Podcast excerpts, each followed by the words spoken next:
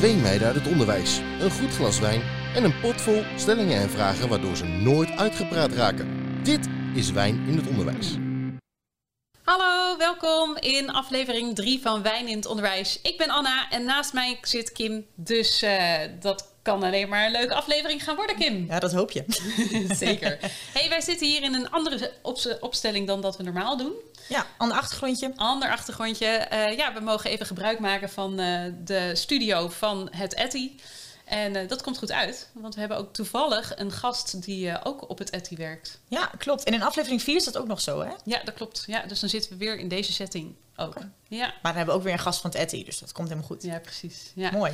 Ja, we gaan het met de volgende gast Henk ter Haar gaan wij het hebben over de docent. En um, ja, we hebben hem eigenlijk gekozen bij dit onderwerp omdat hij een filmpje heeft gemaakt. Wat ook behoorlijk viraal is gegaan. Wat kan je vertellen over het filmpje? Nou, het maakt wel indruk, het filmpje. En eigenlijk wil ik er niet heel veel meer over zeggen, want ik hoop dat mensen het zelf misschien gaan opzoeken nu. Maar ja, het was wel een, een indrukwekkend filmpje. En met name over dat je dus gezien moet worden als docent. Uh, maar goed, een stukje ik, erkenning. Ja, en ik ben benieuwd wat hij er straks zelf over te vertellen heeft. Ja. Dus uh, leuk. Laten we in gesprek gaan met Henk ter Haar. Lijkt me heel goed. Wijn in het onderwijs. Welkom Henk als eerste gast bij ons in de podcast. Ja, dankjewel. um, hey, we hadden het net over het filmpje. Uh, waar jij een van de schrijvers van bent. Van ja. um, nou ben ik het weer kwijt. Het is gezien. Het is, is gezien. Ik haal hete door de war inderdaad. Het is gezien. Um, kan je ons meenemen in uh, hoe het filmpje tot stand is gekomen? Uh, ja, dat kan. Uh, dat is ontstaan eigenlijk... nou, ik ben bezig met een opleiding. En die opleiding die gaat over nou ja, contextueel begeleiden. En dat gaat over nou ja, kijken naar wat er ook is. En al heel snel komt daar zeg maar, het woord erkenning in terug. En dat is eigenlijk de afgelopen maanden een beetje een, een begrip voor mij geworden, wat ik de hele tijd overal tegenkwam. En um, op een gegeven moment dan merk je, merkte je heel erg in de gesprekken over corona dat erkenning um, voor leerlingen in hun situatie best belangrijk werd gevonden. Maar dat de leraar die kwam daar eigenlijk nooit echt in terug. En toen dacht ik, volgens mij horen uh, leraren lang niet altijd um, van degene van wie ze het moeten horen, dat, ze, uh, nou ja, dat het gezien wordt wat ze doen. Toen dacht ik, nou, zou, zou het wel mooi vinden om in december als een soort van, nou ja, dat past wel een beetje bij de decembermaand, ja. om dan nou, te laten zien dat het gezien is wat ja. er aan extra inzet is gepleegd in de afgelopen jaren. En uh, nou ja, dat was eigenlijk een beetje de gedachte. En toen nou ja, in mijn netwerk gaan kijken naar wie ken ik, wat, wat is er allemaal mogelijk. En nou ja, toen, zo is het een beetje ontstaan. Dus toen degene die samen met iemand de tekst geschreven en die uh, met Luc ook dat die tekst daadwerkelijk vervolgens opgenomen. Ja, was heel tof. Allemaal met, ook met mensen zelf uit het onderwijs. gewoon op vrijwillige basis allemaal opgenomen. Dus, ja, ik ben wel, wel blij mee hoe het ja. is geworden. Ja, het was, kan me heel goed was mooi om te doen. Ja, ja, het is ook echt een heel mooi filmpje geworden. En volgens mij is die ook echt viraal gegaan. Ja. ja. En, Tenminste, ik zag hem overal voorbij komen. op het hele internet, Facebook, YouTube, overal. Ja. Was ja. dat ook jullie intentie toen je hem gemaakt hebt? Of was het gewoon zo van, we maken dit en we zien wel wat er gebeurt? Nou, ik vond het vooral belangrijk, dat, die erkenning was voor mij echt belangrijk. Ik vind het gewoon belangrijk dat op het moment dat je iets uh, uh, positiefs vindt, dat je het dan ook uitspreekt. En ja. dat heel vaak krijg je wel zeg maar de negativiteit, maar vergeten we te zeggen wat er allemaal goed gaat of, of wat, er, wat er allemaal ook is. En nou, dus ik, ik vond dit een mooie gelegenheid. En kijk, dat het viraal gaat zegt voor mij vooral dat uh, nou, dat er meer mensen zijn die, de, die daar blijkbaar inderdaad behoefte aan hadden. Ja. En dat is wat ik eerst voor mezelf merkte in die opleiding, maar wat ik dus ook merk dat op het moment dat ik dat meer in de praktijk ook probeer te doen, ook in de gesprekken met leerlingen, gesprekken met collega's. Uh, nou ja, om, gewoon uh, ze eigenlijk, uh, het is heel stom, maar om gewoon te zeggen dat het oké is en dat het wat er ook is, zeg maar, en van daaruit weer te vertrekken. Nou ja, dat zou ik nog aan de hand van allerlei voorbeelden van alles over kunnen zeggen. Nu is het een beetje abstract, maar en dat vind ik wel. En, kijk, ja, het is niet het doel op zich dat het viraal gaat, maar het was natuurlijk wel. De, je doet niet zoveel moeite om er. Als jullie dit opnemen, dan hoop je ook dat mensen het uh, ja, daar gaan delen en gaan, ja. gaan beluisteren, omdat je vindt dat het ertoe doet. Ja, ja. mooi. Ja. Mooi uitgangspunt ook. Ja. Ja. Hey, maar we zijn blij dat je, dat je bij ons in de uitzending zit. En um, wij drinken natuurlijk normaal gesproken wijn, want wijn in het onderwijs. Uh, maar omdat dit onze eerste opname is in januari, dachten we, we doen vandaag even voor het nieuwe jaar een bubbeltje. Maar Anna, het is niet zomaar een bubbeltje, hè? nee, het is een alcoholvrije bubbel, Kim. Oké, maar waarom dan, waarom dan alcoholvrij? Ja, omdat het wel, wij doen wel mee aan Dry January. Dan mogen we misschien graag van een wijntje houden, maar uh, we gaan er wel bewust mee om. Ja, zeker waar. Dus uh, ik hoop dat je ook van een alcoholvrije bubbel houdt. Ik heb me wel laten vertellen dat het een goede alcoholvrije bubbel is. Nou, dat zal dan de eerste goede alcoholvrije bubbel zijn die ik ga drinken. We gaan ons laten verrassen. Is dat ja. een idee? Ja, kom maar op. Kom maar door. Gaat er altijd mis, hè? Gaat nee, altijd... nee, dit gaat, gaat precies goed. Dit is even speciaal voor de luisteraars. Uh, ik schenk hier even met een ontzettend veel souplesse deze bubbel in. Ja, want je weet, zo'n bubbel... Ja, dat is wel echt een beetje een Haags bakje, hoor. Sorry. Nou gaat hij er niet overheen en dan doe ik het dus nog niet goed. Ja, maar als er al wat in zit, dan is die wel makkelijker altijd. Ja, nou kijk eens. Kijk eens. Dank u. Alsjeblieft. Kijk, dit gaat ook weer ja, precies je, goed. Jij kan dit, je hebt het vaker gedaan. Nou, niet met alcoholvrije bubbels. Eens moet de eerste keer zijn. Niet? Ja. Top. Hij bubbelt ook mooi, hoor je hem? Ja. hey, maar weet je wat wel bijzonder is aan deze bubbel? dit is dus een bubbel waar wel eerst alcohol in zat. En waar daarna de alcohol dus uitgehaald is. Zinlo Nadat er zinloos dus... geweld. zinloos geweld op alcohol, ja, precies. Nou, nou ik zou zeggen cheers. Proost. Proost. Op een uh, mooi jaar. En op uh, Zeker. een mooie podcast. Nou, jullie. dankjewel. en dan ben ik heel benieuwd naar je eerste slokje. Goede alcoholvrije bubbel. We moeten hem ook echt gaan drinken. ja, zeker. ja. ja. Zeg het maar. Wees maar gewoon eerlijk. Daar hebben we allemaal het meeste aan. Het had erger gekund. Nou, dat is toch alweer de eerste Ja, winst van de avond. hij valt me mee. De vorige alcoholvrije bubbel die ik heb gedronken, dat, die, die proefde een beetje. Ken je dat? eh, Nou, hij dat is niet zo zoet. Dat is wel, eh, het is wel goed dat hij een beetje droog is. Ja. Ja, ja. Ja. nee, die vorige die ik had gedronken, die, ken je nog die snoepjes? Die, die persik snoepjes, die besuikerde persik snoepjes. Ja. Nou, die proefde precies zo. Oh, maar dat is... Nee, die vind ik dus echt niet lekker. hè. Ja, maar die dat vind is ik dus echt vies. Oké, goed. Hey ehm, Henk, wij hebben deze eh, aflevering hebben we dus bedacht dat we het hebben over de docent. Nou heb ik begrepen dat jij teamleider bent en docent Nederlands. Maar, sta jij als teamleider ook nog voor de klas? Ja. Oké, wat leuk. Ja, nou sinds dit jaar hoor. Maar eh, Oké. dat, eh, dat wilde ik graag. Dus ik werk nu twee jaar eh, op de school waar ik nu werk. En daar... eh, nou ja, ik heb, ik heb meteen gezegd toen ik kwam van... hey, ik begrijp dat het niet gebruikelijk is dat eh, teamleiders ook lesgeven. Maar ik zou het wel graag willen. Ja. En eh, nou ja, dan moet, je wilt natuurlijk ook niet iemand in de weg zitten of zo. Dus dat is ook even wachten totdat er uren vrijkomen. En op een gegeven moment kon het. En toen, nou ja, toen zijn we het maar gaan doen. Ja. Dus, En hoeveel uur geef je nu les? nu nog maar vijf. Oké. Dus die, eh, het is nu niet, zo, eh, niet zoveel nog. Maar eh, nou, ik denk dat het tussen de vijf en de tien uur op zich wel zou moeten kunnen. Naast eh, de rest van de werkzaamheden. Oké. Ja. En hoeveel klassen is dan vijf uur voor jou? Nou, nu heb ik één, eh, één eerste klas eh, voor Nederlands. Het vak dat ik geef. En eh, nog een, doe nog een aantal dingen extra. Een beetje in verband met de NPO gelden. Mhm. Dus eh, nou ja, dat is nu ongeveer eh, waar, het, eh, waar het uit bestaat. Ja. Ehm, op het moment dat jij als teamleider voor de klas staat, heb jij het gevoel dat leerlingen anders op jou reageren dan voordat jij teamleider was? Nou, ik heb een eerste klas, dus die kinderen die kenden mij sowieso nog niet eh, eh, vanuit een andere rol. Dus ik was voor hun eigenlijk gewoon meteen de docent die dan toevallig ook nog eh, teamleider was. Maar ik heb het op vorige scholen eigenlijk ook altijd gedaan. Dus voor, ja, nee, ik, ik geloof er prima dat het gewoon dat het verder niet zo ingewikkeld is. Ja, je kan het zelf heel ingewikkeld maken, maar het gaat, dat gaat gewoon best. Ik denk niet dat ze, ik denk niet dat ze mij anders. Ik denk niet, volgens mij kennen ze mij ook niet echt vanuit die rol. Oké. Dus dat, nee. Ja, het kan natuurlijk voorkomen dat, als ik zeg, ga er maar uit, ga maar naar de teamleider. En dan doe ik snel lopen en dan, hoi. Nee, maar dat, ja, nee, dat gebeurt in de praktijk niet. Sowieso vind ik niet dat je de leerlingen eruit moet sturen. Maar eh, ik, nou, nee, dat, ik, ik- nou, dus volgens mij, ik heb nog niet echt situaties meegemaakt waarin het eh, ongemakkelijk werd. Oké. Nou, goed. Misschien als je het hun vraagt dat ze er heel anders eh, over denken. Dat zou natuurlijk kunnen. Ja, precies. Ja. Ehm, wij hebben ehm, in de vorige aflevering ook aangegeven dat we aan onze leerlingen zouden vragen eh, wat zij vinden, welke karaktereigenschappen eh, een goede docent moet hebben in hun ogen. Dan ben ik heel benieuwd welke karaktereigenschappen zou jij zeggen dat een goede docent moet hebben. En dan ben ik benieuwd of jij hetzelfde zegt als wat onze leerlingen zeiden. Nou ja. Nou, dat heb ik zelf ook best vaak aan leerlingen gevraagd. Ik denk dat ze zeggen dat je goed moet kunnen uitleggen. dat die eh, humor moet hebben. Dat die niet al te veel huiswerk op moet geven. Eh, ja, dat, dat soort dingen. Ja, ik. precies. Nou, Ja. je hebt er inderdaad de eerste twee heb je meteen al eh, spijker op de kop. Humor en, eh, en goed uitleggen. Dat in- komt inderdaad als, eh, als nou ja, in de top drie Mhm. voor.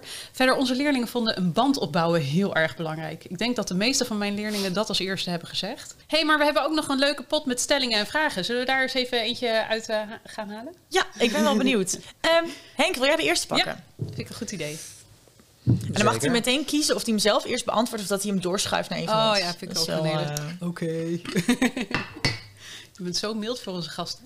Nou heb je niet tegen hem gezegd dat hij moest schudden, hè? Dat zeg je wel tegen mij vorige week. ja. Ja, maar ik ben heel betrouwbaar. Ik ben benieuwd.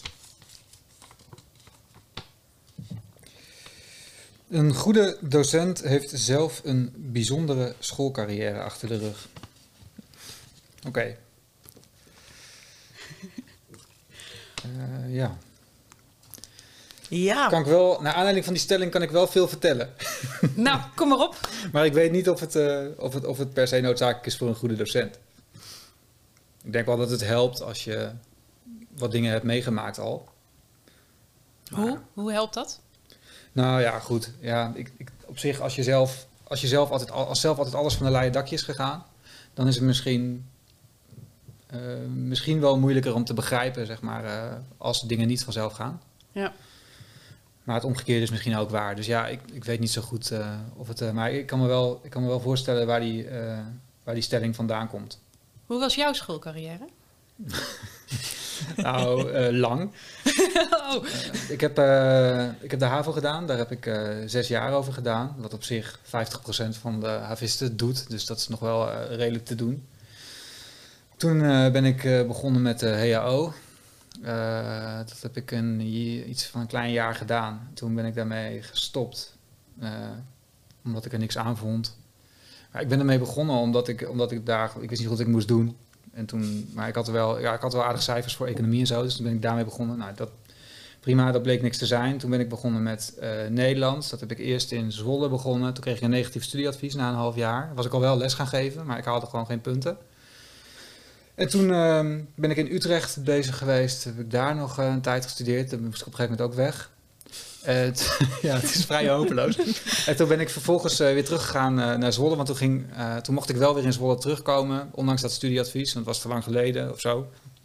en toen ben ik via de LOI. Want toen hadden ze een combinatietraject. Eh lerarenopleiding eh, op Windesheim met eh, afstandsonderwijs via de LOI. Oh. En toen heb ik daar mijn tweede graads uiteindelijk gehaald Toch na een jaar of acht, negen. Ja. Maar dat kwam wel, moet ik eerlijk zeggen, vooral doordat ik, doordat ik eigenlijk meteen ook al ben gaan lesgeven. Dus ik kwam volgens mij anderhalf jaar nadat ik van, van middelbare school afkwam, stond ik al wel weer voor de klas. En ik vond dat zo leuk. Ik moest zes uur lesgeven, maar ik was er twintig uur. Oh, ja. Dus ik was gewoon heel erg al bezig met werk. En studeren, dat is gewoon niet echt mijn eh, ding. En toen ben ik uiteindelijk na mijn tweede graads nog wel een eerste graads gaan doen. Ook een beetje om te bewijzen dat ik, eh, dat ik het wel kon Ja, of zo. precies, Dus toen heb ik nog eh, de master gedaan. de eerste graadsopleiding voor Nederlands. En de, een opleidingstraject voor, voor middenmanagement. Hm. En nou ja, dat, eh, uiteindelijk is het nog goed gekomen. maar ik zeg dus wel heel vaak ook tegen mijn leerlingen: het hoeft allemaal niet zo snel. Als je, het komt uiteindelijk, tenminste, ja, als je vindt dat ik goed terechtgekomen ben, dan komt het met jou misschien ook goed. Ja. nou ja, Dus dat, eh, teamleider op een middelbare school is nou niet bepaald dat je zegt, goh, dat, dan heb je ook niks bereikt of zo. nee, nee, maar goed, kijk, de meeste leerlingen denken niet eh, zo. eh, ja, dat is mijn leraar, eh, dat, wordt ook, dat is ook mijn droombaan. Er zijn maar heel weinig leerlingen die, eh, die zelf eh, ook het onderwijs in willen. Ja. En dat vind ik, wel, vind ik ook wel jammer. Dus ik heb ook vaak wel, eh, toen ik in de bovenbouw nog les gaf, heb ik ook vaak leerlingen eh, uit de bovenbouw laten lesgeven aan mijn eerste klasse. Gewoon Hm. om ze te laten merken hoe leuk het is. En eh, nou, we hebben natuurlijk toch een lerarentekort. Dus Leuk. om daar, ze daar ook wel enthousiast voor te maken. Ja. Maar goed, het is in principe, ja, ik ben natuurlijk eh, ik ben wel tevreden over hoe het, waar ik nu uiteindelijk sta, zeg maar. eh, en kijk hoe het allemaal gegaan is. eh, ja, nou ja, goed, zo is het gegaan. Ja. Nou, Ja. Goh. Vormt je ook tot wie je bent natuurlijk uiteindelijk. En ik weet niet of het Ja. je uiteindelijk een goede docent maakt hoor, maar het is wel. eh, ik denk wat, wat me vooral een goede docent heeft gemaakt, is gewoon dat je. Ik ben heel vroeg begonnen, ik ben nu al eh, een jaar of twintig aan het lesgeven. En dat is Ja. wel. ehm, terwijl ik op zich nog wel redelijk dicht bij de leerlingen sta, denk ik, qua, eh, eh, qua belevingswereld. Ja. Dus dat vind ik, ik vind het vooral fijn dat ik al zo jong ben gaan lesgeven, waardoor Ja. ik al veel ervaring heb. Ja, precies. Ja. Dat is wel positief natuurlijk.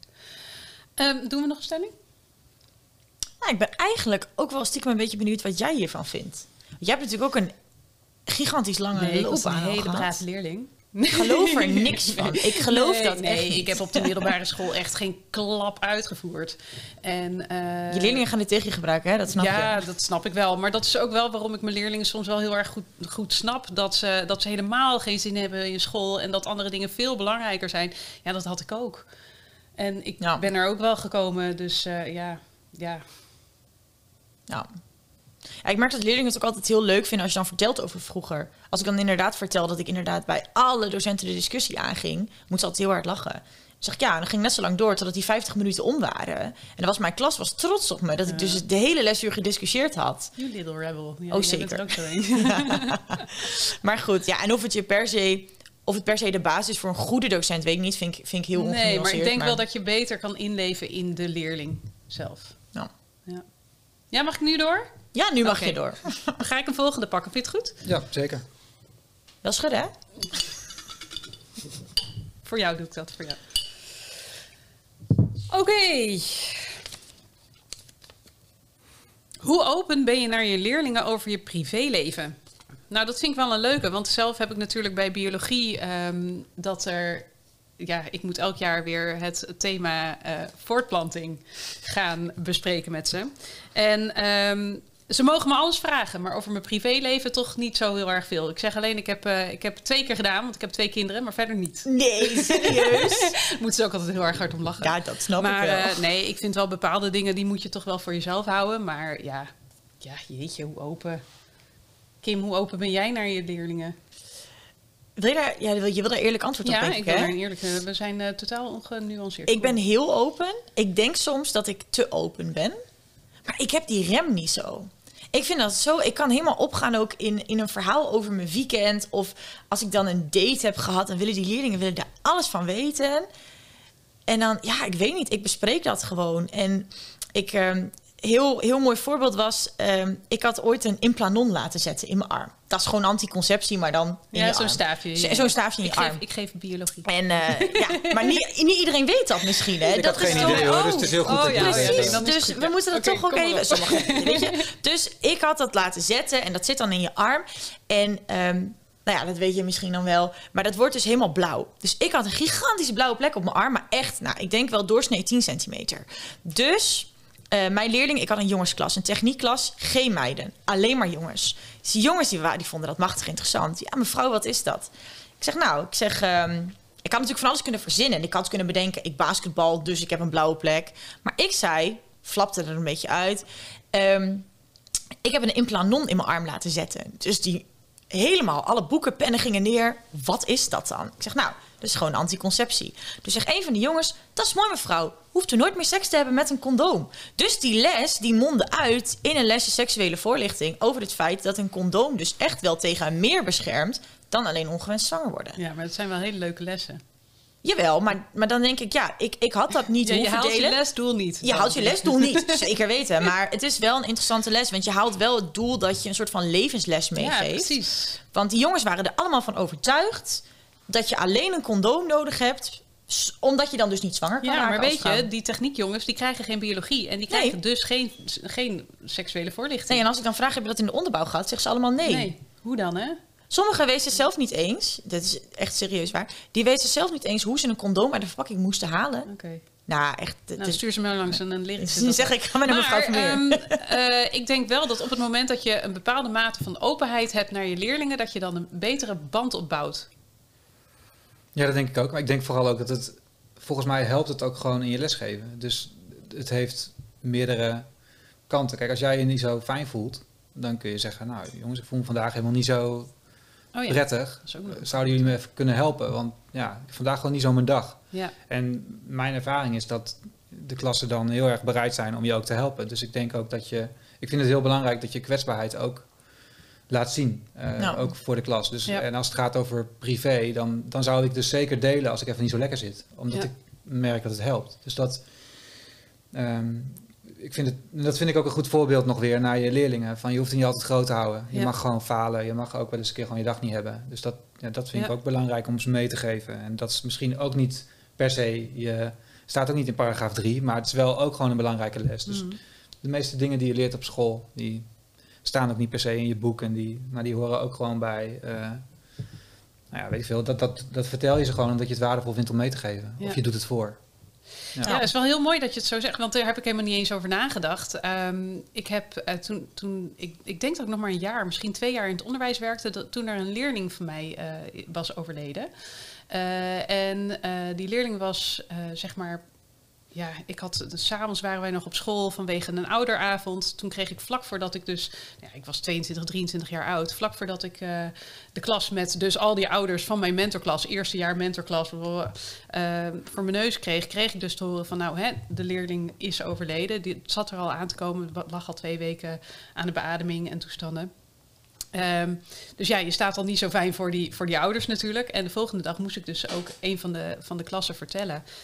En nou, ik weet nog wel dat ik voor die klas stond. En ja, daar sta je dan als ja, jong meisje toch nog. En je moet dan zo'n klas vertellen van nou, ze is er niet meer.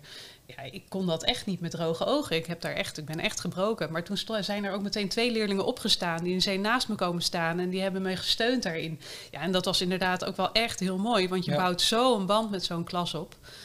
Ehm, en ook je verdriet kunnen laten zien. Dat was oké op dat moment. Dus eh, ja, wel... eh, ja. Ja, het is aan de ene kant, eh, het is ook een beetje een kip-ei verhaal. Want aan de ene kant soms denken mensen, ja, maar ik kan dat pas laten zien als het echt veilig voelt. Maar ik geloof dat het ook andersom werkt. Dat je juist door, eh, door het initiatief te nemen en je kwetsbaar op te stellen als docent, Ja. dat je het dan zeg maar ook kan creëren. Dus je, je moet niet afwachten tot het veilig genoeg voelt. Je hebt Ja. invloed op die veiligheid door hem zelf, eh, denk ik, ook neer te zetten in Ja, de manier waarop je wil zijn. Dus dat, Nou, Ja. En misschien creëer je daarmee ook een veiligheid voor leerlingen om zich dus ook uit te kunnen laten. Of Ja, om dus ja, dat denk ook Ja. hè, dat je laat zien van goh, weet je, wij zijn ook maar mensen en eh, wij hebben emoties, maar alle emoties mogen er zijn. En als jij wel eh, op het moment dat je niet lekker in je vel zit, ja, ga maar huilen, laat die tranen er maar uit. Ja. Die hoef je, die hoef je niet op te kroppen. Ja. Ja. ja, ik vind dat het mooiste. Ik vind dat ook het moeilijkste, denk ik, van docent zijn. Ja. Dat, je, dat je je emoties niet uit kunt zetten. Soms zou ik het heel graag willen. Als ik, als ik me echt, echt rot voel en denk... nou, ik had in bed moeten blijven liggen vandaag... denk ik wel eens... Nou ja, goed, en, wa- en wat je dan zegt, als je dan aangeeft bij leerlingen... dan is het, oh ja, oké, tuurlijk, is goed. Alsof het de normaalste zaak van de wereld is... dat jij niet lekker in je vel zit. ja, mag ook Ja. een keer. En ik denk dat zij ook. eh, de- en er is ook nog een, een, een stuk waarin zij het eerder zien dan jij. Dus soms hebben ze ook. Soms denk je, waarom loopt deze les zo slecht? En Ja, ja, dat, ja, er kan ook wel eens gewoon een leerling naar jou toe komen. Van, eh, nou gaat het wel goed of zo. Dat Ja. vind ik ook wel mooi. Ja. Ik vergeet soms ook wel eens dat we gewoon allemaal mensen zijn eh, met elkaar. nou, Dus ik geloof er ook helemaal niks van eh, dat mensen, als mensen zeggen van, ja, je moet voor de klas wel echt een rol spelen of zo. Of je moet tot de Oh, kerst, nee, tot de nee. kerst een klootzak zijn. Daarna kan je het wel wat loslaten. Ja, dat soort dingen, daar geloof ik gewoon niet in. Nee, nee. Ik geloof wel dat je aan het begin van het jaar strenger... Ja, of, of, iets meer erbovenop moet zitten... Want je kunt beter de teugels halverwege het schooljaar laten vieren... dan dat je Ja. het weer terug moet pakken. Want dat ehm, vind ik erg moeilijk. Hey, zullen we er nog eentje doen? Ja, nog eentje, maar die, want jij mag. Nou wil ik nog, hè? precies. Dat, eh, goed schudden. ja, ik, ik durf niet meer hoor naar die tweede aflevering. Dat, eh, Terecht. Als je maar bang bent. als ik echt bang was geweest, had ik hier niet gezeten. Mm. Nou, eens even kijken. Eh, waar gaan we mee eindigen vandaag? Oeh, deze is interessant. Docent of psychologisch hulpverlener? Waar ligt de grens? Henk, waar ligt de grens? Nou ja, weet ik niet zo goed. Waar ligt de grens tussen... Ik weet niet, je bent, ja, je bent gewoon mens. Dus die, alleen, ik snap wel wat ermee bedoeld wordt waarschijnlijk. De, er zijn natuurlijk... eh, vooral als je op een gegeven moment mentor bent... eh, komen situaties voor waarin je... Op een gegeven moment hoort het gewoon niet meer bij jouw taak. Ehm, om, om, om zeg maar, de leerling te helpen. Want er zijn mensen die dat beter kunnen, die daar weer voor hebben geleerd. En dat is natuurlijk altijd wel ingewikkeld, want waar ligt Ja. die dan precies? Wordt ook, daar leer je ook niet zoveel over, is mijn ervaring, op de leraaropleiding. Dus dat is ook iets wat je een beetje... Daarom ben ik ook, vind ik het ook fijn als je co-mentor kan zijn. eh, zeker als je begint. Maar het is, ja, waar, waar ligt die grens? Ja, dat is lastig. Het is in ieder geval heel moeilijk om zo'n grens in je eentje te ontdekken. Dus ik geloof wel echt dat het heel erg helpt als je daarin, eh, het ook met elkaar in het team of eh, met je teamleider of met je collega's bespreekt van... hey, is dit, doe ik nog wel wat ik moet doen? Ja. Ja. Dus volgens mij is dat wel, dat is wel belangrijk. Maar het is niet echt een, denk ik, een hele rechte lijn, die grens. Nee, dat denk Nee. ik ook niet. Nee, en ik heb ook altijd wel met leerlingen op het moment dat ze zeggen van... eh, hè, ik wil wat in vertrouwen vertellen, dan... ehm, ik heb het ook wel eens gehad dat ik tegen een leerling moest zeggen van... joh, dit is zo heftig, dit kan ik niet voor mijzelf houden. Want op het moment dat er wel wat gebeurt... dan ben ik wel degene die zich nou ja, ontzettend verantwoordelijk voelt... voor wat er dan gebeurt. Ja. En dan moet je die stap wel zetten naar, naar de zorg. En eh, dat is soms heel erg moeilijk, want zo'n leerling die neemt je daarna nooit meer in vertrouwen.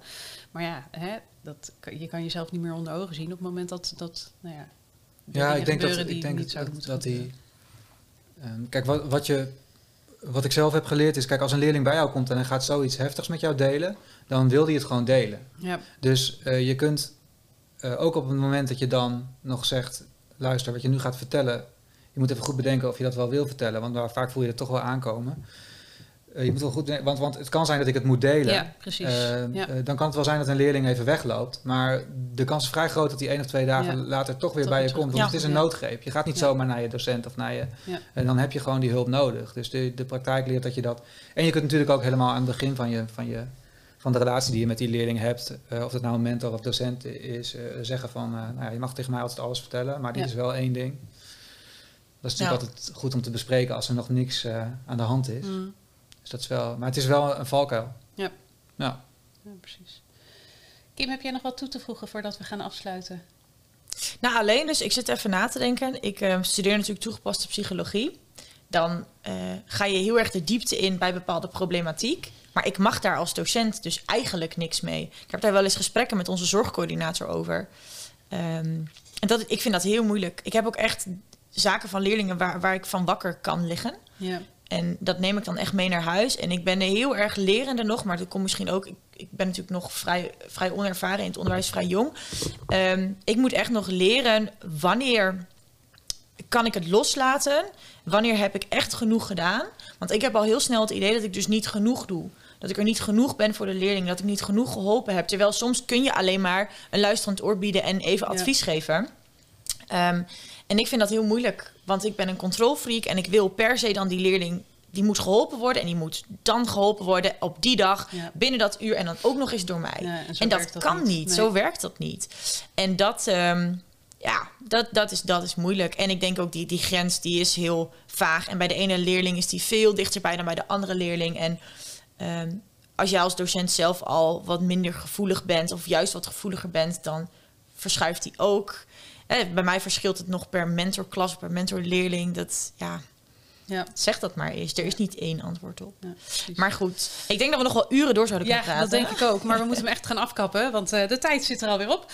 Ehm, mogen we jou hartelijk bedanken voor het aanschuiven bij ons aan tafel. En als bedankje Oh, kijk. krijg Is die voor jou? Oh, Hij kijk, is ja, voor jou. ja, En ehm, de tekst die erop staat, behalve het logo op de achterkant, staat nog een tekst. Eh, let op, bevat mogelijk alcohol. Nou, in januari hoeven we daar dus niet bang voor te zijn. Nee, bij Maar- mij sowieso niet. Ik zou zeggen, eh schitter ermee rond door jullie eh, school. Ik zal hem meenemen. Ja, nou heel graag. Ja.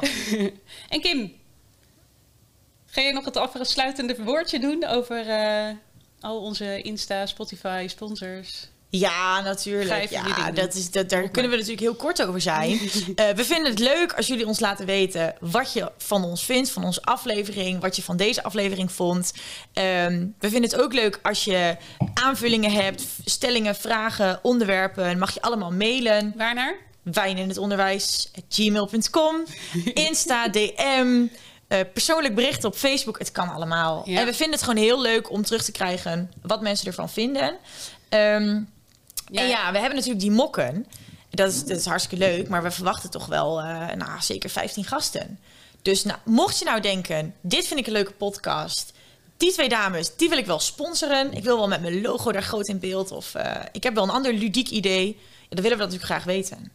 Ja, en hoe bereiken ze ons dan? Sponsors gezocht, ja. En dan, en dan kun je ons dus ook mailen of eh, Ja, precies. be- een berichtje doen via Ja. Insta, Facebook, eh, YouTube. Ja. Het kan allemaal. En als je nou zelf als gast bij ons aan tafel wil komen en ook zo'n mooie mok verdienen, dan. eh, Ja, die moet wel verdiend ook worden, hè? Ja, precies. Die krijg je Ja. niet zomaar. Nee, daar moet je wel een goede bijdrage voor leveren. Ja. Ik voel me zeer vereerd. Nou, heel goed. Mag ik nu ook zeggen dat ik vriend van de show ben? Zeker, Ja, dat mag. zeker. En dan weer rondparaderen door school en zo. Juist. Ja. Nee, Nou, heel Henk, goed. heel hartelijk bedankt voor het, eh, voor het gezellige en open gesprek. Ja. En ehm, ja, wij gaan, eh, wij gaan alvast een beetje vooruitkijken naar volgende week, hè? Ja, precies. Want volgende week hebben we ook weer een heel leuk onderwerp. Ja, Digitalisering in het onderwijs. En eh, daar kunnen we natuurlijk ontzettend veel over vertellen. Al helemaal na twee coronajaren is dat eh, gigantisch in de lift gegaan. Dus eh, daar gaan we zo meteen over in gesprek. ja, met weer een nieuwe gast. Ja, Dus Henk, bedankt.